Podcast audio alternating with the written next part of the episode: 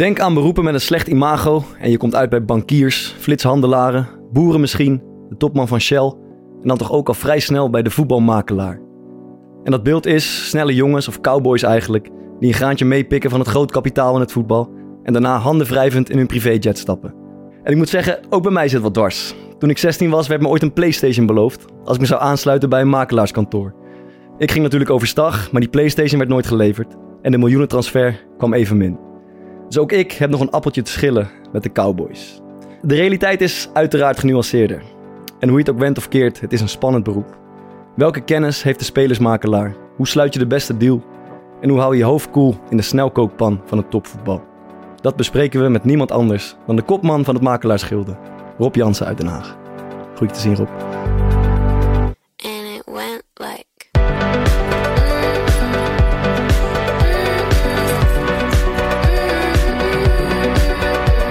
Wat doen eh, Rob Jansen, Dick Advocaat en Cor Pot op een, op een avond in, eh, in Istanbul?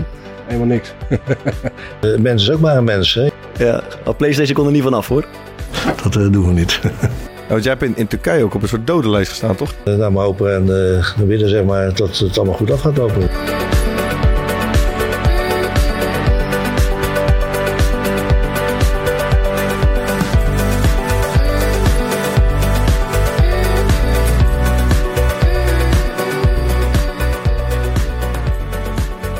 Dank voor je komst eh, in onze studio. We gaan het over jouw, eh, jouw vak hebben. Ehm, eerst even een introductie. Je bent een spelersmakelaar met een lange staat van dienst. Een jaar of 30 geloof ik in het vak. 40. 40 alweer. Eh, transfers gedaan van Bergkamp, Kuit, Van Bommel, Makai, Overmars. Van alles. Eh, veel toptransfers. Eh, voor Wasserman de laatste jaren. Ehm, maar ook en vooral de voorzitter van Pro Agent. En dat is de vereniging van voetbalmakelaars in Nederland. Daar komen we allemaal over te spreken. Ehm, maar eerste vraag is eigenlijk: heb jij ooit een speler een PlayStation beloofd om zich aan te sluiten bij jou? Want het gebeurt, hè, Rob. Het is echt gebeurd. Nee, dat is, normaal, dat, is een, dat is een minimaal voorbeeld wat je geeft. Oké. Dus dat, eh, er gebeuren wel ergere dingen. Nee, ik heb dat niet gedaan. Nee, ik heb dat niet gedaan. En je zegt een minimaal voorbeeld. Dat Ja, kan is? Ja. Ik denk dat eh, wat wij wel meemaakten, maar dat, dan gaat je ook ver in de tijd terug. Het is nu nog veel erger dan dat ooit was. Horloges, vakanties, trips. Scootertje. Was, misschien wel, ja. Het zou best kunnen, ja. ja. Jij had het aangeboden ooit? eh, Nee, man. Ja, jij was toch een beetje wel een serieus talent bij Utrecht. Maar ik Ja, heb... eh, maar PlayStation kon er niet vanaf hoor. nee, man. Ik heb eh, dat nooit gehad. Zo'n aanbieding helaas.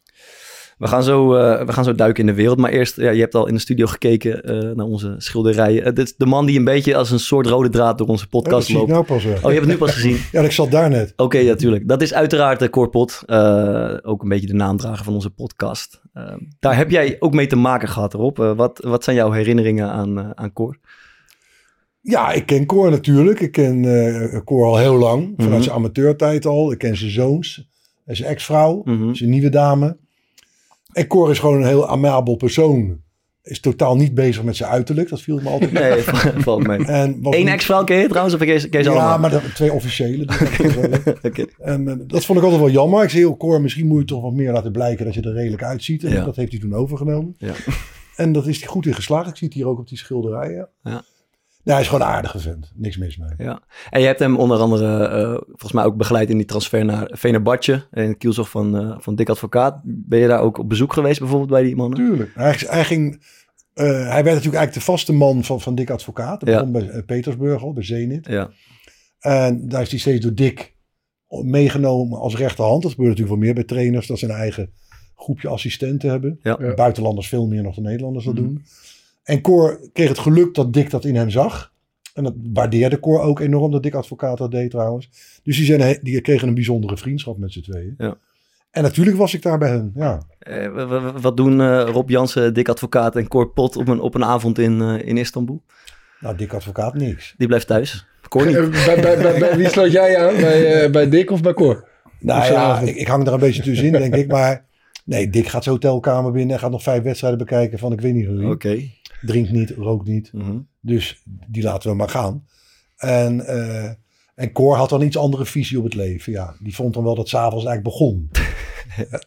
en dat deed hij ook uitstekend, moet ik Ja, zeggen. ja. En was dat ook wel. Maar het leuke aan Cor is dan wel dat hij vertelde het ook allemaal.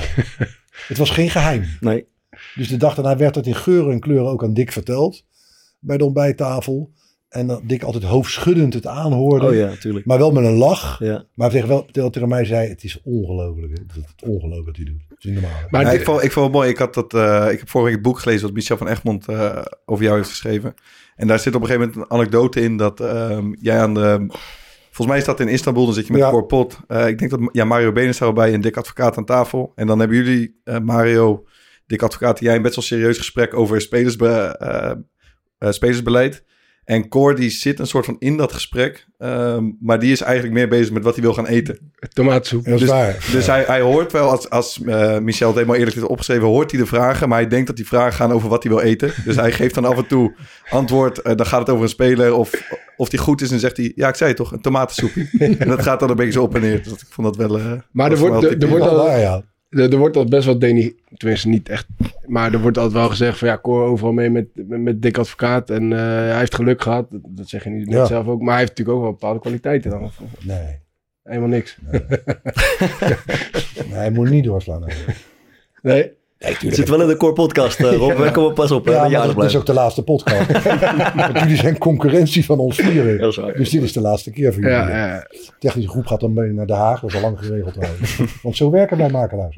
Maar Maar jij bent onder de indruk, hè Rob? Hoe het hieruit ziet en alles. hè? Dat- ja, die vinden een zootje. Ja. Ja, dat- Ongelooflijk. Ja, maar tuurlijk. nee, Cor, natuurlijk heeft Cor kwaliteiten. En de loyaliteit van Cor aan Dick is heel belangrijk. En omdat hij totaal verschillend is dan- als Dick advocaat... heeft Dick wat aan hem. En hij, nou, vanzelfsprekend wat aan Dick. Ja. Want hij brengt ook een soort luchtigheid mee. Kijk, van de 100 trainers zijn er 80 hetzelfde. Je moet ook niet overwaarderen allemaal. Jullie hebben allemaal, spelen allemaal een redelijk niveau. Hebben Wat, het wat, gespeeld? wat bedoel je daarmee precies? Ik denk dat veel trainers overgewaardeerd zijn. Ik vind het een overgewaardeerd beroep. Maar dan zijn spelers dat ook. Eh, nee, die zijn waardevoller, want die moeten het uitvoeren. Die moeten het doen. En die trainers overwaarderen, en ik, ik doe dat wel bewust, er, zijn veel anekdotes over. Dat het wordt zo moeilijk vaak gemaakt en zo gecompliceerd en zo ingewikkeld. Terwijl, ik had een keer een voorbeeld, eh, dat was in die tijd Frans Hoek, de keeperstrainer, en die zei dan, ja, weet je wat was na afloop? We hebben helemaal verteld aan, aan die jongen die rechtsback loopt, dat die linkerspits, die moet je zo dekken de zone opvangen, dit, dit, het hele pakketje. En die lopen gewoon voorbij en die heeft gescoord. Ongelooflijk. Ik zei, weet je waarom? Hij zei, waarom dan? Omdat die linkerspits beter is. Als jij beter kan voetballen dan hij, dan kan ik tegen jou zeggen wat ik wil. Maar het is klaar met hem. Mhm. Je moet het ook niet helemaal doorslaan op dat voetbalveldje. Nee, maar ik, ik, ben de ik denk dat trainers zichzelf in de regel wel serieuzer nemen dan, dan, dan nodig is. En zichzelf belangrijker maken. Ja, Dat, dat, dat, gebeurt, dat heb ik vaak zien gebeuren. En eh, dat ga ik zelf ongetwijfeld ook doen. Maar het klopt natuurlijk niet dat als je zegt van ja, die ene is beter, dan, eh, dan ben je klaar en dan houdt het op. Nee, maar dat is, dat is, de metafoor is natuurlijk meer, overwaardeer het allemaal niet zo. Nee, ja, het, het is best wel gewoon best wel lastig vak, denk ik. Dus, dus de Ja. dingen die, waarvan jij denkt als speler van hé, waarom, waarom doet hij dit, dit niet en dit niet? Ja, als trainer, kan misschien. ja, maar als trainer ben je natuurlijk afhankelijk van eh twintig jongens die in de selectie zitten. Ja, maar als trainer op, op, op betaald voetbalniveau. En laten we zeggen, in de top van de voetballer in de wereld is nog veel erger. Daar ben je gewoon psycholoog-manager. Je managt twintig entiteiten. Die alleen maar bezig zijn met één ding, zichzelf. Dat doet mee aan het doen. En naarmate je op lager niveau zit, zit dat aspect er ook nog in. Alleen dan wordt het iets meer verzacht. Er komen andere omstandigheden een rol spelen. Maar in de wereldtop is het een game. Je Ja. denkt toch niet dat Mourinho traint? Die speelt toneel. En dat toneel werkt fantastisch. En ze heeft iedereen een toneelstuk wat ze aan het doen zijn. Heb je hem, heb je hem eh, één op één ontmoet ook? Ja, ik ken, ze- ik ken ze redelijk goed. En toen vo- vond je het ook een acteur, een toneelspeler? Hij, hij zit helemaal vast in zijn rol. Ook als hij met jou spreekt over spelers, over transfers. Ja, ik heb met hem wel eens gezeten en met Ronaldo en met met Mendes en die, die hele groepen erbij. Ja, ik moet er ook vreselijk om lachen. Daarom vinden ze me ongelooflijk irritant. Maar omdat het natuurlijk, het is toneel. Kun, je- kun je dat een beetje schetsen hoe dat dan gaat? Ik ben er toch wel heel benieuwd naar. Als jij met Nou ja, Ronaldo, zijn zaakwaarnemer, Mourinho aan de tafel zit. Ja, dat is, kijk, het heeft, En ze vinden jou irritant. Ja. ze vinden mij, ze, ze kunnen, ja, ze, vinden- ja, ze- ze Wat heb jij dan gedaan dat ze jou... eh, Dat zouden ze inderdaad kunnen zeggen. Ja, Mourinho, ik kon beter voetballen dan Mourinho trouwens. Want die speelde geen voetbal.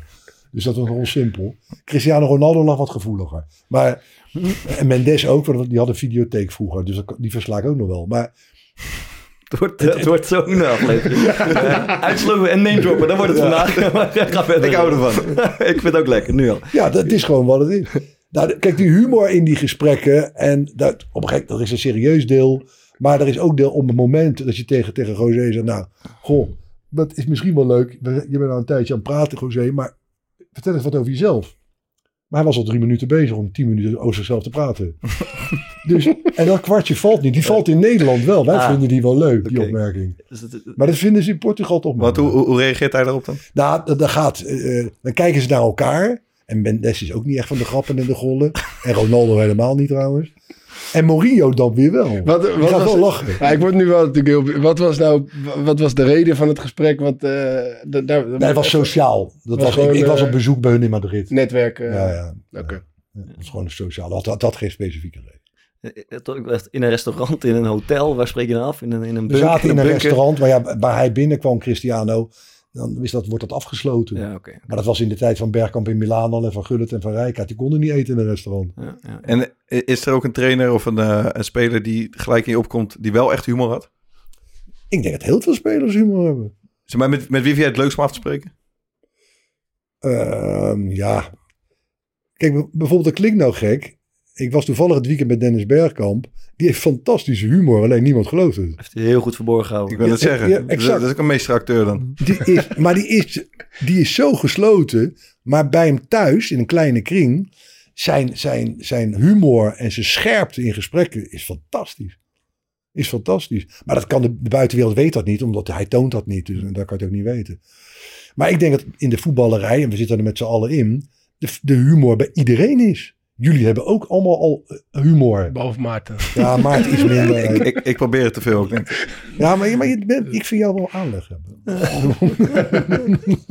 Lekker. Ik denk dat jij een heel eind kan komen in het leven. Maar Heb je nog een zaakwaarnemer nodig? ja, Nou, ik denk dat zitten ze. ik had wel Rob Jansen kunnen gebruiken in mijn leven, denk ik. Ja, ja, ja. Ik zou nog één dingetje even willen aandragen. Dat, dat, ik had dus dat boek gelezen en er stond één, ehm, er stond één ja, passage in over een... een eh, Michel van Egmond beschreef dat een soort kwaliteit van jou is dat jij... eh, als je ergens binnenkomt, ook bij hele grote bijvoorbeeld directeuren... heel goed erin bent om dan met degene wie je bent, Michel in dat geval... een soort mompelend een geintje te maken dat Michel het precies hoort...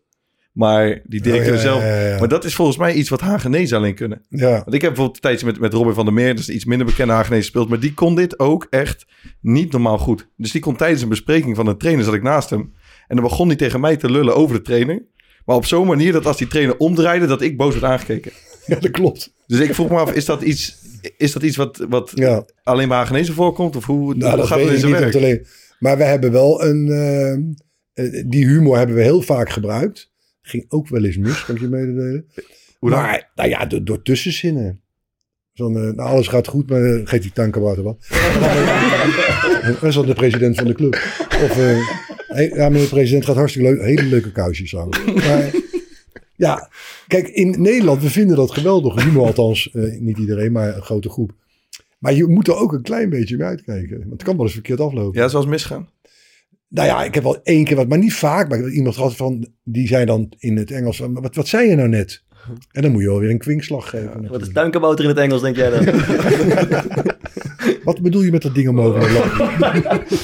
Laten we ehm, even een klein zijstapje maken, want je, je kwam hier binnen en eh, het stoom kwam uit je oren, want je kwam net van, van, van de rechtszaak. Maar dat viel wel mee, dat zo. dat was een geintje. Eh nee, laten we even schetsen, want je hebt als, eh, Ja, ja. als voorzitter van ProAgent, vandaag is de uitslag gekomen, een, een rechtszaak gevoerd tegen FIFA, als ik het goed zeg.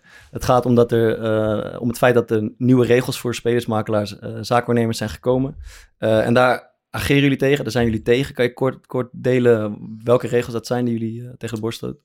Nou, dit proces loopt natuurlijk al heel veel jaren. Ja. En de FIFA heeft in 2015 eh, de regelgeving afgeschaft. Dus daarvoor moest je een licentie hebben om spelers te mogen vertegenwoordigen. Daar moest je een diploma voor hebben. Ja. En zelfs een borg storten in Zwitserland bij de FIFA om dit vak uit te mogen oefenen. 100.000 Hoeveel was die borg? Zwitserse franken toen, in die tijd. Dus iedere agent die dat vak wilde Toen. doen, moest die licentie halen en 100.000 euro. Ja. 100.000 En dan kreeg je wel terug als je stopte. Oké. Wanneer je stopt als agent, kwam je geld met rente. Beetje eliteclubje dan, toch? Heb jij die ooit nog opgehaald? Nee, het, het, het was veel beter. Heb jij die ton ooit nog geïnc- geïncasseerd of hij staat nog merk ergens? je helemaal niks het meer van, We zijn toen wezen lunchen. Met, met de weekend Mercedes op. Ja, dat liep uit de hand. Maar oké. Met Sepp Blatter samen. Ja, met chef. Chef zei, ik tik het wel af. Oké, dus later bleek hij nog meer af te tikken, maar dat is weer een ander verhaal. Het voordeel daarvan was wel dat het is geen elitegroep. Je moest wat doen om dat vak uit te mogen oefenen. Waardoor het voor een speler ook beter is dat die meneer weet waar hij over praat. Dat gebeurde daarna niet zozeer meer. Toen schaften ze het af, omdat ze dachten, we kunnen het toch niet regelen. En er zijn allemaal arbitragezaken, het gaat niet goed. En die clubs zeiden, joh, laat lopen. En toen hebben we wel gezegd, jongens, dit wordt de ondergang voor de makelaardij op zich. Kwaliteitsgericht gesproken. En jullie als clubs krijgen grote problemen. Want er komt een totale wanorde. Daar waar je een beroep waar veel geld in omgaat vrijgeeft. Nou mag je hem zelf invullen. Mhm. Daar komt niet de crème de la crème naar binnen wandelen denk ik meer. Ja, En dat gebeurde natuurlijk ook. de Cowboys. Nou ja, dat, dat werden er tienduizenden, honderdduizenden. Ja. Want iedereen mocht meewandelen. Ja. Nou, die voorbeelden daar, die zijn, die zijn natuurlijk ja, vreselijk. En later zei ze, oké, we gaan het weer terugbrengen. En daar waren wij als EVA, dus de Europese schuine streep Wereldbond van Agenten, bij betrokken. En als ze dat samen met de agenten hadden opgestart, de FIFA, daadwerkelijk hadden gezegd, we moeten dat doen met de mensen die weten hoe de fabriek werkt, met de arbeiders op de werkvloer, en niet alleen de mensen in het kantoor, dan was daar een goede regelgeving uitgekomen. Want wij zijn allemaal voorstander van regelgeving. En wat was de reden om dat niet te doen? Dat is FIFA. En FIFA is een dictatoriale instantie. Die zelf in en in corrupt is van binnenuit natuurlijk. Dat is ook, dus dat kan je rustig zeggen. Want ze houden hun schouders op en ze wandelen gewoon door. Maakt helemaal niet uit. Want het is namelijk zo. En die werden ook politiek weer gestuurd door andere partijen.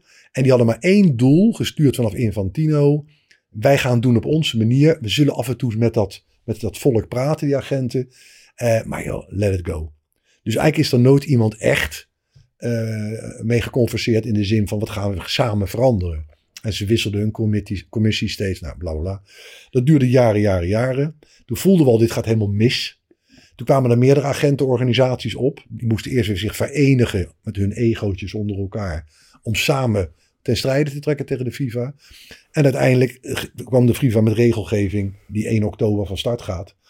Ehm, die op vele vlakken desastreus kan zijn voor agenten, ook voor spelers en ook voor clubs. Dit was een, een kort geding tegen KNVB FIFA namens de agenten, laten we zeggen, wereldwijd. Maar de rechter in kwestie, en dat bleek hier ook, dat hebben we ook in het persbericht gezegd, dat is ook, ja, sorry dat ik het zeg, ik noem dat D66-rechters. Sorry als iemand die partij stemt, maar ik vind helemaal niks. Die heeft gezocht naar een opening om geen uitspraak te doen. En die vond ze. Want wat was de opening voor haar? Door te zeggen, ja, ik twijfel of het nou werkelijk zulke financiële schade richt aan die agentschappen in de wereld. Ik twijfel daarover. Ik vind niet dat het echt aantoonbaar is. Oh, dus geen spoedeisend belang. Dus ik doe niks. Doedeledokie. Mhm. Nou, dan word je teruggezet. Nou, dat getuigt van enorme slapheid. Als er zo'n pakket ligt en zulke bewijslast op tafel komt. en je gaat op één dingetje zitten om maar geen uitspraak te doen. omdat je bang bent jurisprudentie te creëren.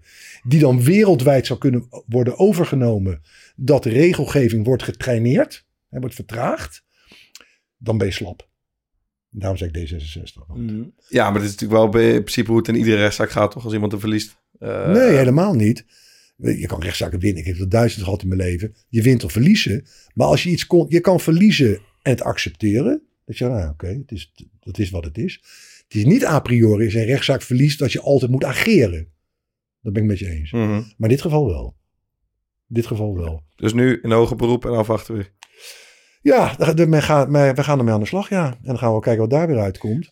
In de basisgroep, wa- waarom eh, eh, gewoon dat, dat, dat vakgebied? Waarom vind jij of denk jij dat spelers eh, agenten nodig Je hebben? hebt vertrouwensmensen nodig. Je moet ermee kunnen klankborden. Niet alleen voor je contract. Ja. Het moet geregeld worden. Maar het hangt van het niveau van de speler ook Mhm. af. Ja, Ja? Het zit, de, de brede zin des woords heb je een manager. ja. Maar het hoeft niet, hè? Mhm.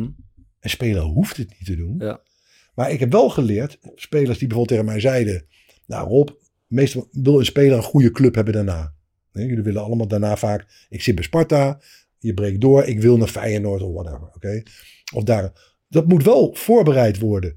Het simplisme denk je, dat ze zeggen, nou we willen, we willen Bart hebben, dus eh, die bellen we. Maar wie zegt dat dat gebeurt? Weet je hoeveel spelers gelijkwaardig zijn kwalitatief? Ja. Weet je, het is ook met de kwaliteit. Misschien krijg ik je wel bij een club waar je anders niet gekomen was. Ja. En dat is namelijk zo. Dus het, jij, ge- ik geloof dat het waar is. hoor. Jij, jij Ja, denkt dat zo, de, ja. de, de agent, hè, als het gaat om gelijkwaardige spelers, kan een betere agent Zeer zeker. of een handiger agent Ja. die speler wel naar die club ja, de brengen. koste wereldtop vindt ze weg wel. Dat denk ik Maar ook. het merendeel zit daar namelijk onder. Dat denk ik ook. Kan ik je En dat is toch ook onze, onze eigen ervaring. Dat je af en toe met jongens speelt, die, hebben een half jaar, die spelen een half jaar niet. En die gaan, godver, die gaan naar de championship ineens. Of die gaan naar best wel een mooie club in Italië. En die zitten toch 9 van de 10 keer bij een, eh, bijvoorbeeld bij een grote zaakwaarnemer dan. Ja. Die zaakwaarnemer speelt daar een grote rol. En daarnaast moet hij aanwezig blijven om zijn vak te doen. Ja. Hij kan niet een heel jaar wegblijven. Maar dan heb je als speler ook nog een rol Ja, in. wat, wat, wat, wat vinden wij als spelers, zeg maar? Waar, waarvoor had jij het gevoel dat je zaakwaarnemer nodig had? Of jij, toen je speler was? Of, of Eh, was het gewoon omdat het nou eenmaal erbij hoorde? Of Ik- had je echt het gevoel, ik heb ik denk dat dat in eerste instantie ehm, gewoon omdat ik dacht dat het erbij hoorde. Ik, niet, er was bij mij niet spe- eh, specifiek de vraag van... Hey, ehm, je, je loopt nu in de A1 bij Feyenoord en je gaat een contract krijgen... dus het is handig dat je een begeleider hebt. Zo ging het niet. Ehm, ik denk de, poeh, ja, dat ik gewoon het idee had van... Hey, eh, je bent een beetje talent, je komt een keer bij het Nederlands elftal... je gaat misschien een keer contract tekenen ergens... dan neem je een zaakwaarnemer. Ja. Dat was denk ja, dat was mijn beweegreden. Ja, dat klopt ook wel. En jij toch? Ja, ik, ik, heb mijn, mijn- ik, werd- ik was 26 toen ik naar Sparta ging. En toen eh, vond ik zelf dat ik geen zaak... Ik, ik vond dat ik überhaupt blij mocht zijn dat ik daar de kans kreeg. Dus, eh, en ze boden me een prima contract aan. Dat heb ik wel laten checken door iemand die daar verstand van had. Maar ik had niet het idee, hier heb ik nou per se direct een zaakwaarnemer voor nodig. En uiteindelijk, eh, toen ik een beetje ging presteren, toen kwam er eentje op de lijn. En daar ben ik mee gaan samenwerken. En dat was eigenlijk precies om die reden. Ja. dat, dat ik het idee had dat ik wel eh, wat hulp kon gebruiken in de wereld. En eh, uiteindelijk in, in, die, in die voetbalwereld. En uiteindelijk als het goed zou gaan, dat ik dan eh, naar een mooie club zou kunnen. Ja, en, Ja. en ik vind het op zich... Heel logisch. Wat je vraag is eigenlijk, waarvoor vind je dat je een zaakwaarnemer nodig hebt? Toch? Ja, want Rob Dat- zegt terecht, de, de top regelt het zelf Ja. wel. Maar wij vallen on- onder een categorie spelers. En dat is, dat is 80%, 90% van de spelers. Hè? Tuurlijk. Die gewoon ieder einde van het contract... eh, ja, moet, moet hopen dat er een vergelijkbare of betere club komt. En dat gedurende je hele carrière. Maar een goede zaakwaarnemer zal ook in de contractbespreking voor je, da- dan kom ik zo nog op, zoals jij net zei, het contract altijd verbeteren. Altijd. Altijd. Als een zaakwaarnemer binnenkomt bij de club, zeg ik 3 euro. Zegt, nou fantastisch, we gaan we koffie drinken. Ja. Ja, die zou ik inruilen. Mm, ja. Daar zou ik niet zoveel waarde aan hechten. Maar een goede zaakwaarnemer gaat beginnen met de onderhandeling. Ik wil niet zeggen dat het altijd lukt, Ja. maar hij moet alles eraan doen dat je een beter contract krijgt. Oké, maar Alles. het- het begint denk ik al bij het vinden van een club. Eh, want eh, dat is denk ik volgens mij de grootste eh, wens van spelers met wie wij hebben spelen. Is, eh, oké, die jongens die 5, 6, 7 basisspelers die, die de beste zijn, dat komt wel goed. Maar er zijn ook nummers 12 tot en met 22 die aan het eind van hun contractjaar een nieuwe club nodig hebben. Ja, klopt. En ja. die hopen, die wensen dat ze iemand hebben, een agent, een zaakwaarnemer, die de long uit zijn lijf loopt om hem ergens te... Je wilt eh, gewoon een zaakwaarnemer die, die, die, die- jou die- belt. Je kan nu toch mooi je eigen eh, verhaal van afgelopen zomer Ja, toch wel een beetje... Ja, zeker. Nee, om, eh, dus ik, ik ben er inmiddels, inmiddels mee opgehouden, bijvoorbeeld. Omdat ik. eh, ehm, eh, ik had een duidelijke wens om, eh, om, om te vertrekken, om naar het buitenland te gaan. Heel afgekaderd, al heel vroegtijdig aangegeven. Eh, dat is uiteindelijk niet gelukt, eh, om, om verschillende redenen. Maar ja, ik wijd dat ook. eh, ik had gehoopt dat mijn zaakwaarnemer dat voor mij had Ja. kunnen organiseren. Ja. Ehm, zeker omdat mijn wensen en eisen niet gigantisch waren. Dus daar ben ik tegenaan gelopen. Dat is een van de redenen dat ik nu, nu denk van ja, ik ga dat geloof ik de komende jaren ga ik dat proberen op een andere manier te organiseren. Of zelf of via een netwerk van mensen. En wat ik ook merkte is dat je als je mm, transfervrij wordt of dreigt te worden, dan komen er tientallen berichten binnen. Hè, Van agenten uit Noorwegen, uit en daar uit zit een India. probleem in en daar wil ik op terugkomen. Die speler die zegt, eh, ik neem geen zaakwaarnemer, Mhm, iedereen is welkom. Ja, Dat gebeurt op elk niveau, hè? ja. Dus niet alleen eh, op, op gewoon normaal betaald voetbalniveau. Die maakt de fout van zijn leven. Is dat zo? Ja. Dan word je een soort gebruiksvoorwerp in de grote bak van spelers in Europa. Mhm. En niemand neemt je serieus. Want iedereen brengt jou in. En al die agenten zeggen, eh nou Bart, en dat is die, die kost dat. Mhm. En ander, Maar die club denkt, wat, die jongen is niet goed bij zijn Ja, dat snap ik. Als, je, als meerdere zaakwaarnemers jou bij een club aanbieden, dat, Maar dat weet niet. lelijk. Nee, Daar weet je helemaal niks van. Want dat doen ze toch wel. Maar heb je een goede zaakwaarnemer, kan die dat proces sturen? Dat, dat kan die. Ja, maar dat is toch- dat snap ik, Rob. Je- Ik, ik begrijp het ook vanuit jouw eigen eh, netwerk en bestaan en ervaring. Maar eh, er zijn ook zaakwaarnemers... Je, je hebt het maar te doen met het netwerk van je zaakwaarnemer dan. En dan Ja. bekruipt mij soms het gevoel... hey, misschien kan ik daar even achter het hoekje kijken. hey, hij heeft goede contacten in Maar- Italië. hey, hij zit goed in Duitsland. Een goede En dan ben- agent, nee, maar dat is niet, dat, ik begrijp dat je Mhm. dat zegt. Een goede agent werkt niet alleen. Mhm, Oké. Niet, er is geen agent ter wereld die de hele wereld kan doen. Ja. Geloof me, dat bestaat echt niet. Ja. Degene die het zegt, die is niet goed wijs. Ja. Maar een goede agent of agentschap, whatever, werkt over de hele wereld met aan hem gelieerde mensen. Ja. De grote bedrijven, zoals Wasserman, waar ik dan in zit, of CAA in, in, in Los Angeles, die twee, dat zijn de grootste wereld. Ja, dat netwerk, ja, dat, dat is mega. Ja, dat klopt. Maar die doen alle sporten in de wereld. Die, zitten op, die organiseren de Olympische Spelen. Ja. Dat is een andere wereld. Maar een goede agent, al werkt hij op een zogenaamd eh, eh, respectvol niveau. Maar die, ja, oké, die zit in die Nederlandse competitie. Die kan heus zijn contacten in Italië of Frankrijk of Duitsland hebben. Dat is helemaal niet zo'n probleem. Ja. Dat hoeft, hij doet dat met zijn telefoon. Wat, wat, wat mij wel interesseert, zeg maar, de, de- de, eh, zeg maar, stel je hebt een speler van NAC in jouw stal. Eh, nummer 17 of 18. En Ja. hij, zijn contract loopt af. Ja, Hij heeft weinig gespeeld, hij is geblesseerd geweest. Maar jij bent zijn agent. ja, De, je moet hem dan ergens zien te, zien te plaatsen. ja. Maar zelf heb je hem niet zo heel erg veel aan het werk gezien. En je, als je heel eerlijk bent, vind je het ook niet zo'n goede speler. Ja, Maar je moet hem dus verkopen aan, aan, aan clubs. ja. Doe je dat? Of, Of ik dat doe? Bijvoorbeeld, ja. Of Nee, ik niet, nee. dat doe je niet. Je ver- Nee, ik niet. maar waarom niet? Waarom zou ik dat moeten doen? Omdat jij, jij, jij hem begeleidt. Oh, je bedoelt ooit, heb ik straks dat gedaan. Ja, Ja, precies. ja, ja. Ja, gewoon die, nu. Sorry, In- in- in- in- gewoon die hypothetische situatie Ja, dat je zo'n in jouw je rol als, hebt. als zaakwaarnemer makelaar. Maar dat heb ik honderden keren meegemaakt toen ik opgroeide. Ja. Tuurlijk. En vanuit, wat denk je vanuit de vakbond toen we dat werk deden? Ja, maar dan, toen hadden we alleen al Madridse spelers te doen. dan ga je de boer op en een speler Ja. die je zelf matig vindt. En dan hoe overtuig Ja, je dat is dan maar jammer. Oké. Dat is dan maar jammer. Ik, heb, ik ben opgegroeid op dat niveau. Mhm. Ik ben niet bovenin begonnen. Ik ben eh, eh, begonnen met niks. Ja. Nul. Dan kun je dus ook in een situatie komen dat je bij een, een club waar je bijvoorbeeld een goede naam hebt, een speler eh, verkoopt, onderbrengt, eh, waarvan je zegt van ik weet zeker, stop, gaat allemaal werken. Tuurlijk, zij moeten hun werk ook doen. Eh, die club neemt hem, die jongen bakt er niks van. Nou, dat ja, maar zo, dus- zo werkt dat niet. Dat bestaat niet. Hoe werkt het dan? Ah, ik verkoop geen speler. De club verkoopt een speler.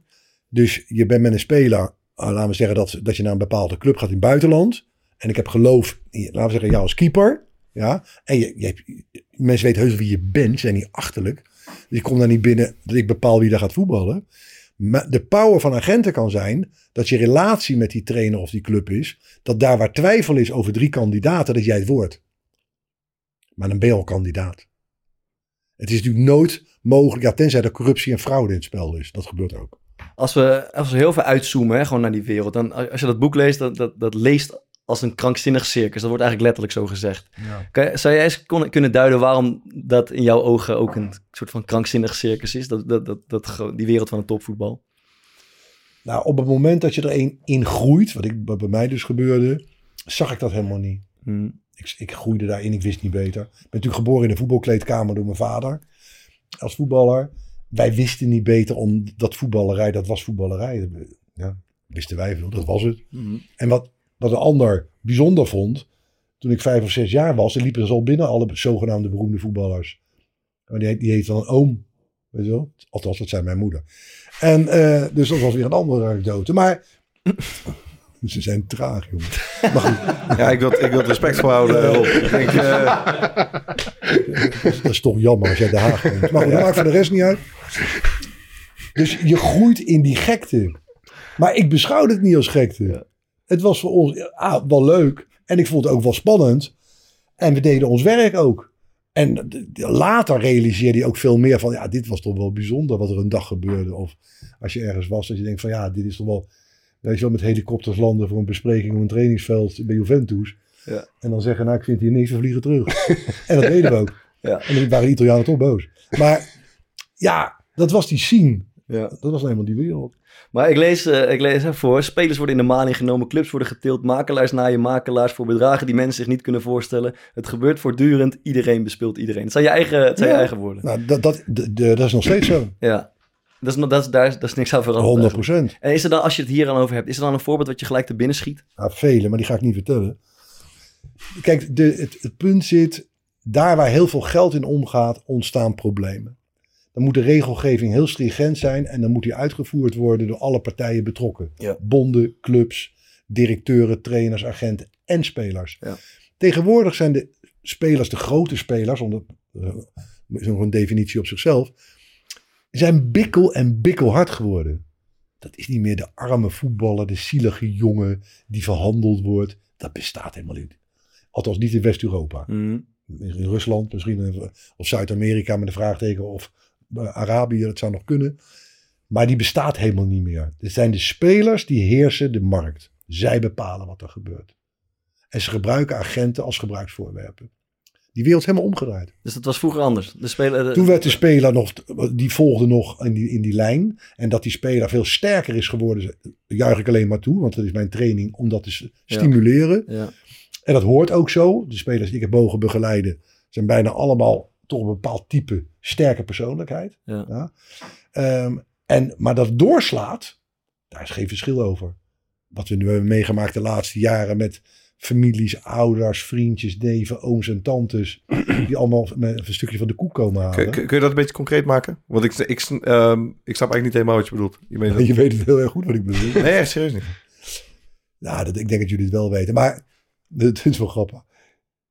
Iedereen rondom spelers, zeker als wanneer het grote geld gaat komen, komt met, zoals de Amerikanen zeggen, met een entourage naar binnen. Ja. En dat zat ook in die serie van Dwayne Johnson.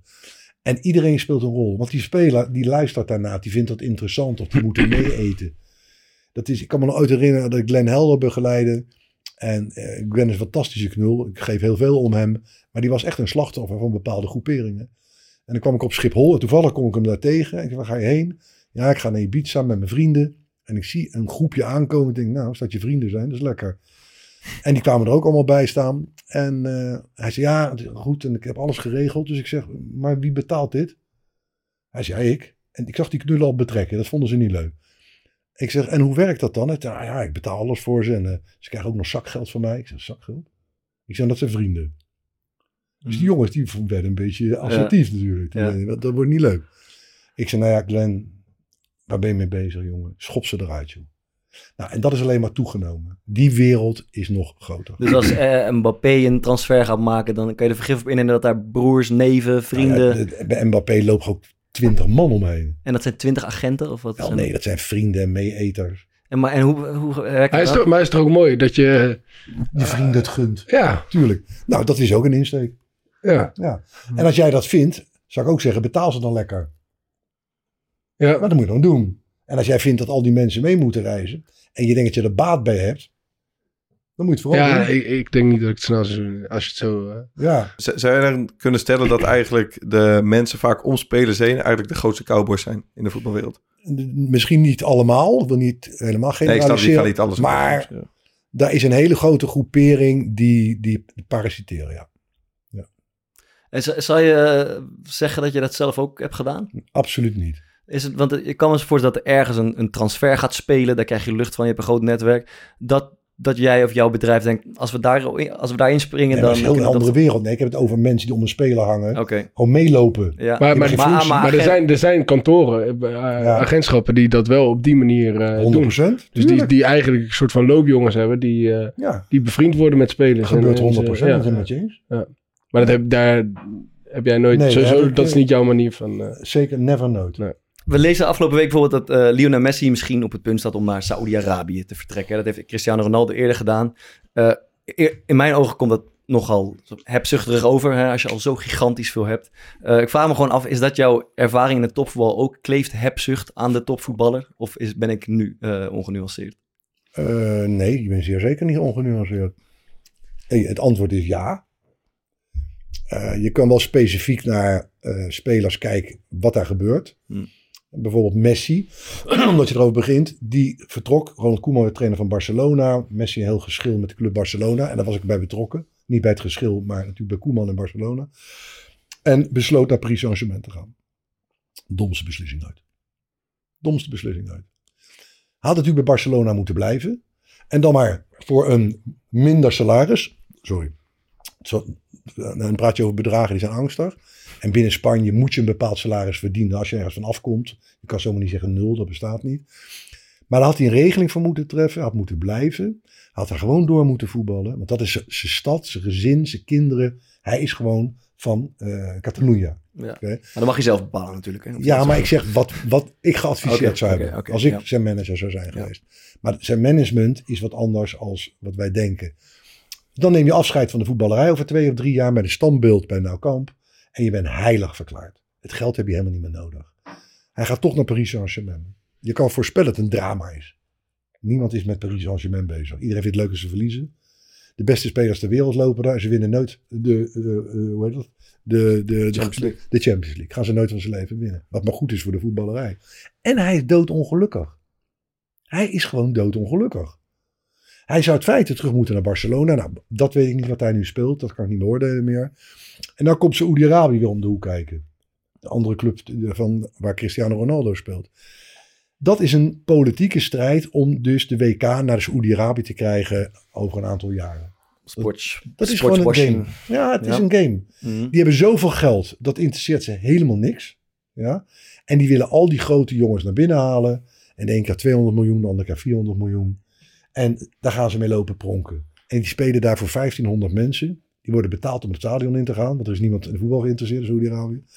En dan sta je dan met je grote naam. Is, is dat ook een tendens die jij bij topspelers die je in je carrière bent tegengekomen en wel wat dus wel zelf hebt begeleid, eh, ook bent tegengekomen dat jongens op een gegeven moment, eh wat je schetst in dat een mooi scenario van, het zou veel mooier geweest als Messi bijvoorbeeld bij Voor Barcelona de was sport gebleven. wel, ja. Ehm, maar kom jij zelf ook wel eens in de situatie, dus dat je met jongens komt die dan ergens naar China kunnen gaan, veel meer geld kunnen gaan verdienen.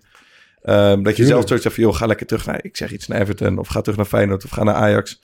Eh, maar dat je dan merkt dat bij zo'n jongen eigenlijk toch gewoon de dollartekens in de ogen staan en dat dat gewoon niet eruit te krijgen is. Ja, antwoord is ja. Dat klopt. Is dat in, in, zou je zeggen het merendeel van de gevallen? Want ik, heb, ik, Nou. ik probeer het nog wel eens aan mensen uit te leggen dat... eh, ik hoor best wel vaak dat, dat standaard verhaal... Voetballers willen altijd meer. Ze willen Ja. alleen maar meer. Ja. En ik probeer dat een beetje tegen te verzetten, maar... Ja, we, Nou, het verschilt. Ja, je kunt niet over de voetballer praten. Het verschilt per speler. En ehm, ja, het is heel moeilijk. Laten we zeggen, je bent een, een hele goede speler bij Feyenoord. Ik noem Rotterdamse het Feyenoord als voorbeeld. En je, de Premier League is toch, ja, het zou kunnen, maar het is toch ingewikkeld. En daar komt, ja, wat jij zegt, een Chinese club. En die Chinese clubs, je kan hier 5 miljoen netto verdienen per jaar. En je mag vier jaar tekenen. Mm. Ja, dan kom je thuis. En dan zeg je tegen je vriendin die rechten studeert. eh, wat denk je ervan? Ja, het is 20 miljoen netto. Ja. Ja, pa, wat vind jij? Ja. Weet je wat, we gaan het koffertje pakken. en we gaan het vliegticketje in. Dat, is, dat gebeurt natuurlijk. Gebeurt, moet je dat veroordelen? Hoe kan, dat kan je niet veroordelen. Wie kan dat weigeren? Maar de top, hè, de, de spelers die echt zeggen, oh, kennen Man United, dit en dat, die, die zullen dat anders doen. Dat is vanzelfsprekend. Daarom spelen ook als spelers op hun retour daar, of jongens die het Mm. net eronder zitten. Maar ik begrijp het wel. Ik zou het zeer zeker niet veroordelen. Ik snap het. Wat gaan jullie drie er maar voor staan? Ja, ik wij zouden alle drie eh, naar China gaan. Mhm. Ja, dan ga je. En wat is daar mis mee? Ja, Ja, maar het is me boos aan te kijken. Nee, nee, zeker niet Eh, voor eh, China. Ik zou... eh, maar ja, het, het kan China stap direct op een fietsje naar, naar Schiphol, man. Ben je, ben je die goed? Ja, maar dat is de realiteit van, van het mens zijn. Ik wil nog eventjes inzicht in de werkwijze van de, van de agent. Ehm, je begeleidt een hypothetisch geval, je begeleidt een speler. Hij speelt eh, in de Bundesliga. Eh, zijn contract loopt af. En hij, wil een, eh, hij zit veel op de bank bijvoorbeeld. Hij wil een stap naar, naar een ander land of een andere Ja. club maken. Jij bent zijn agent. Wa- Wat Ja. is het stappenplan? Hoe werkt hoe, La- laten we zeggen een 34-jarige linksback of zo bij... eh, Met een bult. en een beugel. in München of zo. en een hond. veel. En een stok. Oké. Bijvoorbeeld. Dat wordt wel moeilijk. bijvoorbeeld. Ja, dat wordt lastig. Dat wordt een ingewikkeld klusje. Maar hoe gaat de, hoe gaat de agent te Is werk? die 34? 33, 32. Hij is 33. 32, 32, denk ik. En hij, hij is ook nog rechtsback. Linksback. Linksback, nog erger. Oké. Wordt lastig verhaal, ik hoor het al. Nou, Maar ik goed, zou, ik zou tegen die jongen zeggen, joh, ga lekker studeren. Ga wat anders doen. Maar ja, eh, ik heb veel oudere spelers mogen begeleiden. Waren vaak spitsen, Hmm. moet ik eerlijk zeggen. De Van Hooydonks en Mark Janko, die tot latere leeftijd doorvoetbalden over de wereld. Voor een spits lukt dat nog wel. Ja, spitsen die zijn, Ja, die, die, ja. die zijn altijd Track wel... eh, ja. Een verdediger. Ja, kijk, hoe graag wil je voetballen? En hoe fit ben je? En hoe, is- hoe, is je carrière geweest? Als je gewoon een topjongen bent geweest. Een fantastische staat van dienst. Maar je moet bij die club weg. Want ja, ze hebben een jonge jongen voor je staan. Ja. Zou dat kunnen lukken? En hij zegt, joh, ik wil gewoon voetballen. Weet je wel, het, het, het maakt, is dat geld is het niet meer op dit moment. Mhm. Want hij is ook al 33. Ja. Ja, dan zou dat best kunnen lukken, ja. Maar ik ben, ik ben meer benieuwd naar de, de werkwijze. Ga je dan een rondje clubs bedenken waar die misschien gestald zou kunnen worden? Ga Nou, je... je, je behoort, als je echt dag en nacht met dat vak bezig bent. Ja, En het- ik zit niet alleen. nee, dat snap en ik. ik doe dit ook trouwens niet meer, dit gedeelte. Maar Mhm. voorheen, Ja, dan zit daar een heel team. En die check, en zeker tegenwoordig is het natuurlijk helemaal met wat hier allemaal staat, die apparatuur, Ja. gaan ze overheen. Dan is het netwerk wordt aangesproken, ja. In mijn tijd, en, en nog wel, ik geloof nog steeds in het netwerk. Dat ik denk, nou oké, dan heb ik zoveel contacten en zoveel mensen ken ik, Ja. dat ik ga bellen. Maar dat kan ook nog een bevriende agent zijn. Dat ik zeg, nou joh, luister, hij wil doorgaan naar, naar Frankrijk. Ik heb wel jongens gehad die zeiden, ja, ik wil wel... Nee, dat was, waren vrouwen van de spelers, joh. Hij, hij kan wel naar, naar, naar Spanje, maar wel aan het water. ja, ja. Oké, nog meer? Ja, en een huis uitzicht op de zee. Ah, Oké, oké, oké. Nog iets? Nog een helikoptertje erbij of zo? Dus eh, dat wordt wel ingewikkeld als je dat ijzerpakket zou hebben. Maar En die komen ook vaak van de vrouwen, dat ijzerpakket zo'n de beetje. vrouwen zijn, die hebben ook, krijgen ook nog een eigen boek van mij. Oké, ja, ja. Alleen dan kan ik daarna wel emigreren, kan ik je mededelen. Ja, ik, ik heb wel eens gehad eh, toen, toen- ik... eh, ik denk dat ik in Kaapstad zat toen. En eh, toen ging Alex Pastoor naar eh, Oostenrijk. En die eh appte toen van... eh, zou je geïnteresseerd zijn om, eh, om hierheen te komen? Dat ik echt... eh, dat Madelon zei tegen mij van... nee, ja, dat, daar zou ik echt heel ongelukkig van worden als je dat doet. ja, natuurlijk gebeurt dat, ja. Ja, en dan denk je toch van ja... Dat wordt wel lastig als, het, als, het- zelf- als het concreet wordt. En je had het zelf wel mooi Hè? gevonden. Ja, En dan? Ja, is invloed van ja gelukkig, gelukkig is het nooit echt eh Oké, concreet maar stel het zou wel concreet worden. Ja, ik zou het niet weten. Ik denk dat ik uiteindelijk niet zou gaan. Dus het niet zou zijn gegaan. Ja, ik weet het niet, man. Ja, dat is lastig, ja. Ja, Ja. Dus, ja dus dat is wel... eh, Maar Rob, even een klein, lijstje. gekste, Ik zie gekste broodje, eisen van joh, spelers joh. vrouwen. Nee, kijk, ik zit te denken of ik dat mee heb gemaakt met, met spelersvrouwen. dat er echt een vrouw voor is gaan liggen. Van, Ja, eh, nee, ja, ja, je gaat ja. hier niet... Ja. Met hele beke- bekende spelers. Ja. En dat ik de contractbespreking klaar was met een club. Rapid Wien was trouwens de club. En eh, de speler in kwestie, die later ook nog een hele beroemde trainer is geworden. En die was helemaal niet blij. En ik, ik begreep er geen pepernoot van. Ik zei, Als ik nou ga vragen wie het is, ga je dan nee, zeggen. dat vind, ik- dat vind ik niet Ja, maar je, je laat twee keer zo stil te vallen van vragen wie het is. Nee, dat ga ik niet. Het is voor zijn vrouw niet leuk. Ja. Dus zo, die beschaving heb ik ook niet meer. Dus ik zeg zo maar. Maar dat doe ik. Maar en, en we rijden weg. En hij, eh, nou, hij stapt in zijn eigen auto en gaat naar, naar huis toe. En ik denk, nou, zal wel. Dag daarna moesten we vliegen naar Wenen. En hij belt me s'nachts op. Ik zei, ja, ik heb een probleem. Ik zei, ik voel wel, wat, wat is er met je aan de hand, man? Ja, contract super, ben helemaal blij. Dat is een grote club, Rapid Wien, zeker toen. Hij zei, maar ze gaat niet mee. Ik zei, ze gaat niet mee. Hij zei, nee, ze gaat niet mee. Ik zei, dat nou, is dan gaat ze, gaat ze lekker niet mee. En eh toen zegt ja, maar zo werkt dat niet. Hij zegt, "Want ja, dan is het klaar, tuurlijk. Ja. Zo, oké. Ik zei, nou, ja, alright. Dan, ja, dan moet ik het maar oplossen. Daar komt dus de agent in werking. Dus ik moest naar de club. En zei, we hebben een klein probleempje, dit en dat. En die zei, die, gelooft het niet. Die zei, nee, je- het is een spelletje wat je speelt. Je wil meer geld of je wil dat of dat. Op zich wel slim. Die denkt, je onthoud voor de volgende keer. Maar in dit geval was het gewoon de waarheid. Mhm. Dus die club was ontzettend boos. Het contract werd wel ontbonden. Ze hadden hem aan kunnen pakken. En binnen een maand tekent hij bij een grote Nederlandse club. Had niks met elkaar te maken. Dat creëerde ik daarna pas. Mhm. Heb je enig idee wat voor problemen ik kreeg? Zeg het maar. Nou, die Rapid Wien zei dat het een spelletje natuurlijk was geweest. Ja, ja, ja. Dat ik alles uitgespeeld had. Dus Om dat naam- te bewerkstelligen. En dat was niet waar. Jouw naam besmet voortaan bij je in Oostenrijk. Door een vrouw. Het zit toch dwars. Door een spelersvrouw. Ja, Ja, Eh, tot slot gewoon nog even, omdat het eh, interessant is, een, een kijkje achter de schermen van het vak. Ehm, in het boek komt duidelijk naar voren, je, je bent een dealmaker. Dat is jou, waar je sterk in bent. Dat Ja. hoor, eh, lees, ik, lees ik veel tussen de regels door. Ja, dat zijn Rob's eigen woorden. Het zijn ook zijn geworden, zeker. Ehm, maar wij stervelingen sluiten weinig deals. Wij zijn er überhaupt met z'n drieën vrij slecht in, hè, zakelijke deals sluiten. Is er iets van strategie te delen? Hoe, ben je, hoe, hoe word je goed in het deal, deal sluiten? Wat, Ja, het is, het is wel grappig. Ik, had daar, ik vertelde dat, dat we zouden gaan opnemen met, met, eh, met jou, Rob. En toen had ik, ik weet even niet meer met wie, maar ja, toen zei je was van ja, zaakwaarnemer, dat kan iedereen. eh. en toen, zei, toen dacht ik bij mezelf van nou, volgens mij zit er wel een bepaalde kunst in het vak ook. ja. Als iedereen het echt zou kunnen, altijd iedereen het goed zou kunnen. Ja, dat, ja. dan, dan moet je het zeker gaan doen. Daar zitten natuurlijk heel veel mensen in die dat vak uitoefenen op andere gronden en die er totaal niks van kunnen. Die zijn er ook. En ik denk dat het niet echt te leren is. Ehm, en ik hoef die geen rolmodel daarin te zijn, dat is helemaal niet belangrijk. Kijk, toen eh, ik bij die vakbond begon en ik had Mino Raiola als mijn tolk. En als degene die restaurants regelde. Hij is overleden, maar hij heeft als agent al wel redelijk goed gedaan. Het is een bepaalde charisma wat je moet hebben, een bepaalde charme. Je moet humor hebben. Je moet heel goed weten waar je over praat. Je moet heel goed weten in andere landen hoe het in elkaar zit met contracten. Je kan niet te blind naar binnen wandelen. Want het is niet zo simpel met regelgeving in andere landen. Het is niet zo dat iedereen dat kan. Zeer zeker niet. Maar je kan veel schade ook aanrichten bij een speler. Maar is, is er iets, niet iets specifieks, een situatie in de onderhandelingen, dat jij denkt van... Nou, wat wel denk ik is, je onderhandelt, ik kan over de hele wereld heb ik het mogen doen, maar ook in Nederland gaat het wel op, altijd tegen mensen. Ja, en wat ik wel deed, ik verdiepte me in de mensen aan de andere kant van de tafel. Ik wilde weten wie daar zat. En ik wilde weten wie die was. Daar las ik me op in. Ja, nu is het op internet simpel, maar in die tijd was het wat minder.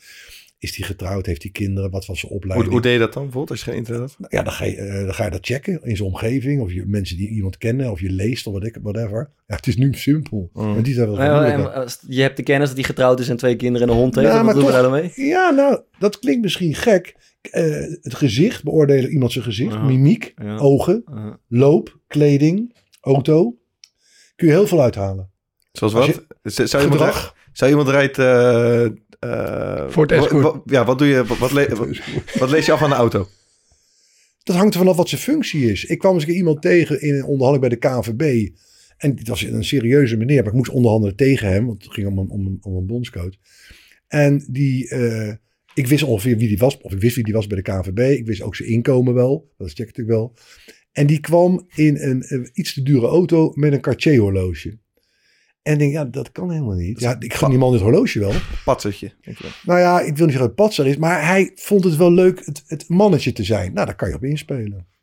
misschien dat hij Rob Jansen komt langs. Ik moet wel even eh, ik moet een duur klokje dragen. Ik vind Rob mooi. Nou, dat zou wel heel triest zijn hoor. Ja, dat gedaan. Maar je kunt op mimiek en op mensen, op karakters. klokje. misschien een imitatiedingetje ook. hè. Daar kun, je, daar kun je heel veel mee. Ben- Zou je zeggen dat je een aanvallende speler bent of een berekenende speler? Een, eh, Ik, ik, was, ik ben nu wat rustiger, maar toen ik begon heel aanvallend. Daar kan ik me niks bij voorstellen als ik Ja. je nu zo u heb gesproken. Ja, heel, heel offensief. zit daar bluff bij? Ja, 100%. Dus eh, kan je daar een voorbeeld van delen? Hoe, hoe, hoe werkt dat? Nou, ik heb ook wel bluff die misging. Wil je die horen? Ja, Heel graag. ja, Daar was ik al bang voor, ja. Nou zijn we ergens, kom maar op. Nou, op een gegeven moment krijg je een bepaalde status dan wel, dat je alles denkt te kunnen. Dat gebeurt dan op een bepaald moment. En toen belde Johnny van het Schip mij, die speelde bij Genua. En die was in zijn nadagen. En die zei, Rob, ik heb, eh, ben bij de club geweest. En eh, dat gaat, ja, die, eh, die willen eigenlijk van me af of een heel laag contract. En kan je komen? Maar ik was niet zijn zaakwaarnemer. Maar hij vroeg mijn hulp. Dat gebeurde ook wel eens. Als het ergens dan misliep, dan kwam ik dan opdragen. Ja, is goed. En ik ging heel goed op, heel goed om met Johnny en Daniel. En ik kwam daar in Genua en de avond ervoor hadden we heerlijk gegeten. Het hele scenario besproken hoe we die directeur aan zouden pakken. En nou, we waren er klaar voor. Dus Johnny en ik naar die club toe. En dan ziet die meneer, ik weet god niet hoe die heet. En die zat daar en ik begin een heel verhaal. En nou jongen, ik gooi er een pakket onzin uit. En die man zat me aan te kijken. En daar lag een contract, laten we zeggen 10 euro. En die keek me aan en zei 9 euro.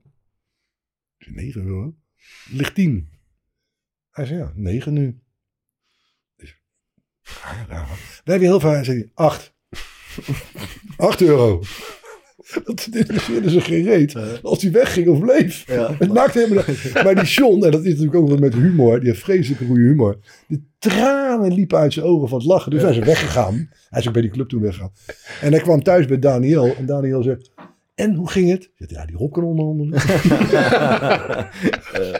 nou, en daar moet je ook de humor van inzien. Het is gewoon comedy ook af en toe. Het is ook comedy. Eh, dat komt ook is super amateuristisch over in zekere zin van dat soort clubs en spelers en agenten. Alsof ze ook maar een beetje wat doen hier en daar. ja, maar dat is niet waar. Oké, dat is niet Je, waar. denkt- je bent, kijk, ik relativeer, Ja. omdat het is niet allemaal... Goh, goh, wat zijn we goed en Ja. wat, zijn we, wat zijn we sterk. Daar zit natuurlijk... eh, Wij zagen de humor hiervan in. Ja, ja, ja. Maar ik heb ook besprekingen gehad dat we de tranen in ons ogen stonden als misging. En ik heb met Gaston moment moeten vechten over Europa en allemaal clubs. En ik, ik heb wel meer met Roy Mackay heb ik meegemaakt bij de Deportivo La Coruña. dat was geen feest. En ik heb ook Wat, wat, wat, wat bedoel je daarmee? Dat was nou, dat het misliep met contracten, geen betalingen, de clubs niet betaalden, moest je er achteraan, hoe krijg je het voor elkaar? Er zit heel veel shit ook in. Kijk, de euforieverhalen, dat is leuk, tuurlijk, maar er zit heel veel ellende ook in. Ja, want jij hebt in, in Turkije ook op een soort dodenlijst gestaan, toch? Eventjes nog. ja, ja, dat klopt ook. Fijn dat je dat even herinnert. Ja, Dus eh, mochten die mensen nog zijn, ik ga er luisteren heel veel Turken. een half uurtje zit ik in de auto. ja, maar dat was in de tijd van, eh, van Leo Beenhakker naar Istanbul Spoor. Met eh, Peter van Vossen en ehm John van der Brom. En het was een club, het Istanbul Spoor. Dat was wel geweldig. Daar deden we de onderhandelingen mee in Nederland. En dat waren op zich prima mensen, wisten wij veel. En toen kwamen we eraan, toen bleek dus die club eigenlijk in handen te zijn van wat mensen die in een beetje heroïne handelden en zo, weet je wel. Dat is dus zo'n middel waar je niet zo vrolijk van wordt. En die waren Ja, ook wel toch? Ja, maar ja, Tijdelijk. niet. ja. En toen gingen de resultaten wat minder. En toen, eh, toen werden die mensen boos. En die waren niet gewend om, eh, die wilden niet verliezen. Want die hadden de dure mensen gekocht. Leo Beenhakker en die trainer. En ik deed de zaken voor alle drie. Ook voor Leo. En toen werden we wel opgeroepen bij die mensen te verschijnen in een afgelegen flatgebouw. Waar mensen met oesjes voor de deur stonden. En- Frits Korbach was erbij. Geweldige man. En Frits, die kwam 's ochtends, werden we in busjes opgehaald. Met die schuifdeurtjes erin. Zak over je hoofd. Nou, dat nog net niet. En Frits zei, hij zei nou, tegen zijn vriendin, ik weet niet of ik thuis kom, maar pak de koffer vast. dus we gingen daarheen. Nou, toen werd iedereen bedreigd en dat soort dingen, toestanden. Nou, uiteindelijk liep dat allemaal wel goed af. Maar ik zorgde wel dat iedereen zijn geld kreeg. Dus ook de power van een agent. Dat het zo goed in elkaar zit, ook bij stoute mensen, dat de speler wel betaald wordt. Dat lukt ook niet iedereen. Dus dat werd wel betaald. En jaren later is Leo bij Vitesse. En die moet naar Istanbulspoor voor een speler voor Vitesse te halen. En die kwam daar binnen. En toen zeiden ze, ga je nog om met Rob Jansen? En toen zeiden ja. Nou, zeg maar, als het hier landt, gaan ze knieschijven en dat vond ik onaardig op zich. Ik bedoel, waarom gelijk nee, zo'n knieschijf? Ik vind het ook niet sympathiek. En toen ging Pierre van Hooydonk naar Venerbahce.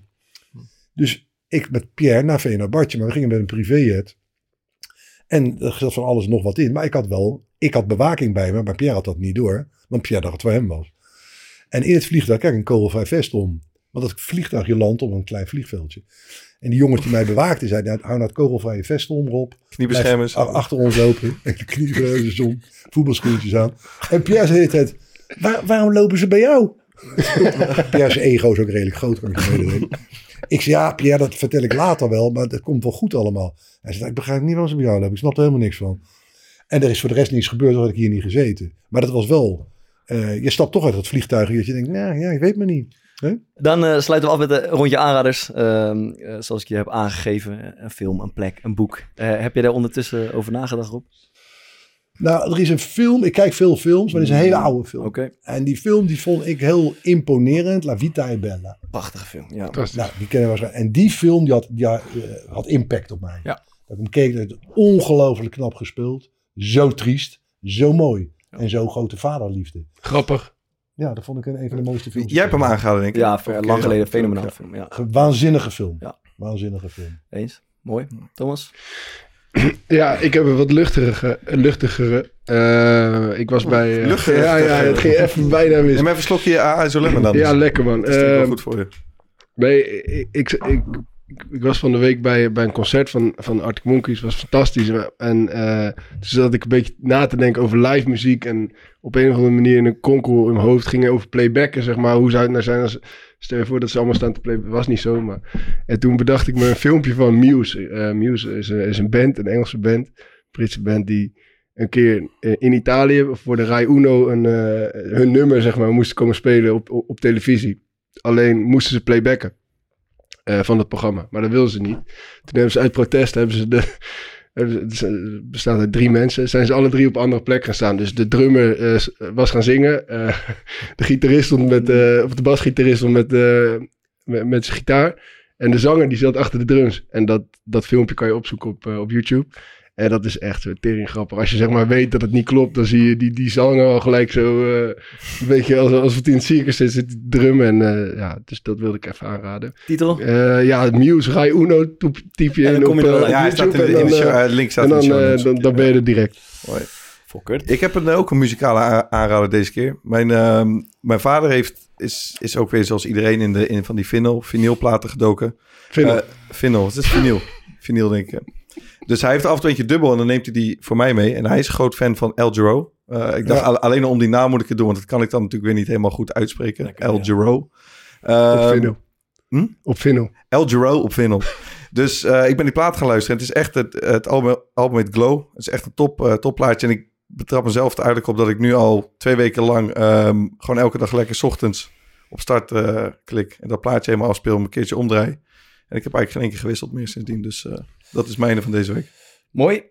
Ehm, ik dacht, ik doe eens een restaurantje. Mensen vragen mij regelmatig als je een weekendje in Rotterdam bent, waar, waar moet je dan eten? Die breien? Zo. nee, nee, ik vond het altijd best wel lastig. Ik wil, je wil toch iets goeds geven en ook niet eh, te, te chic en moeilijk allemaal doen. Toen ben ik vorige week bij Plein Oost gaan eten, op het Oostplein, eh, waar voorheen de bakkerswinkel zat. En ik was super enthousiast over gewoon lekker eten, goede wijn, leuke bediening. Ik vind het heel Goed apart. betaalbaar. Lisa is daar ook vorige week toevallig geweest. Oh, de- ja, dat is oh, kut man. Toch, Heeft Kooi eigenlijk wel eens meegenomen naar de Meent hier in eh, Rotterdam? Nee, Oh, nog niet. nee, nee. nee. Harbor Clubje samen met Cor wel? Lang geleden. Oké. oké. Lang geleden.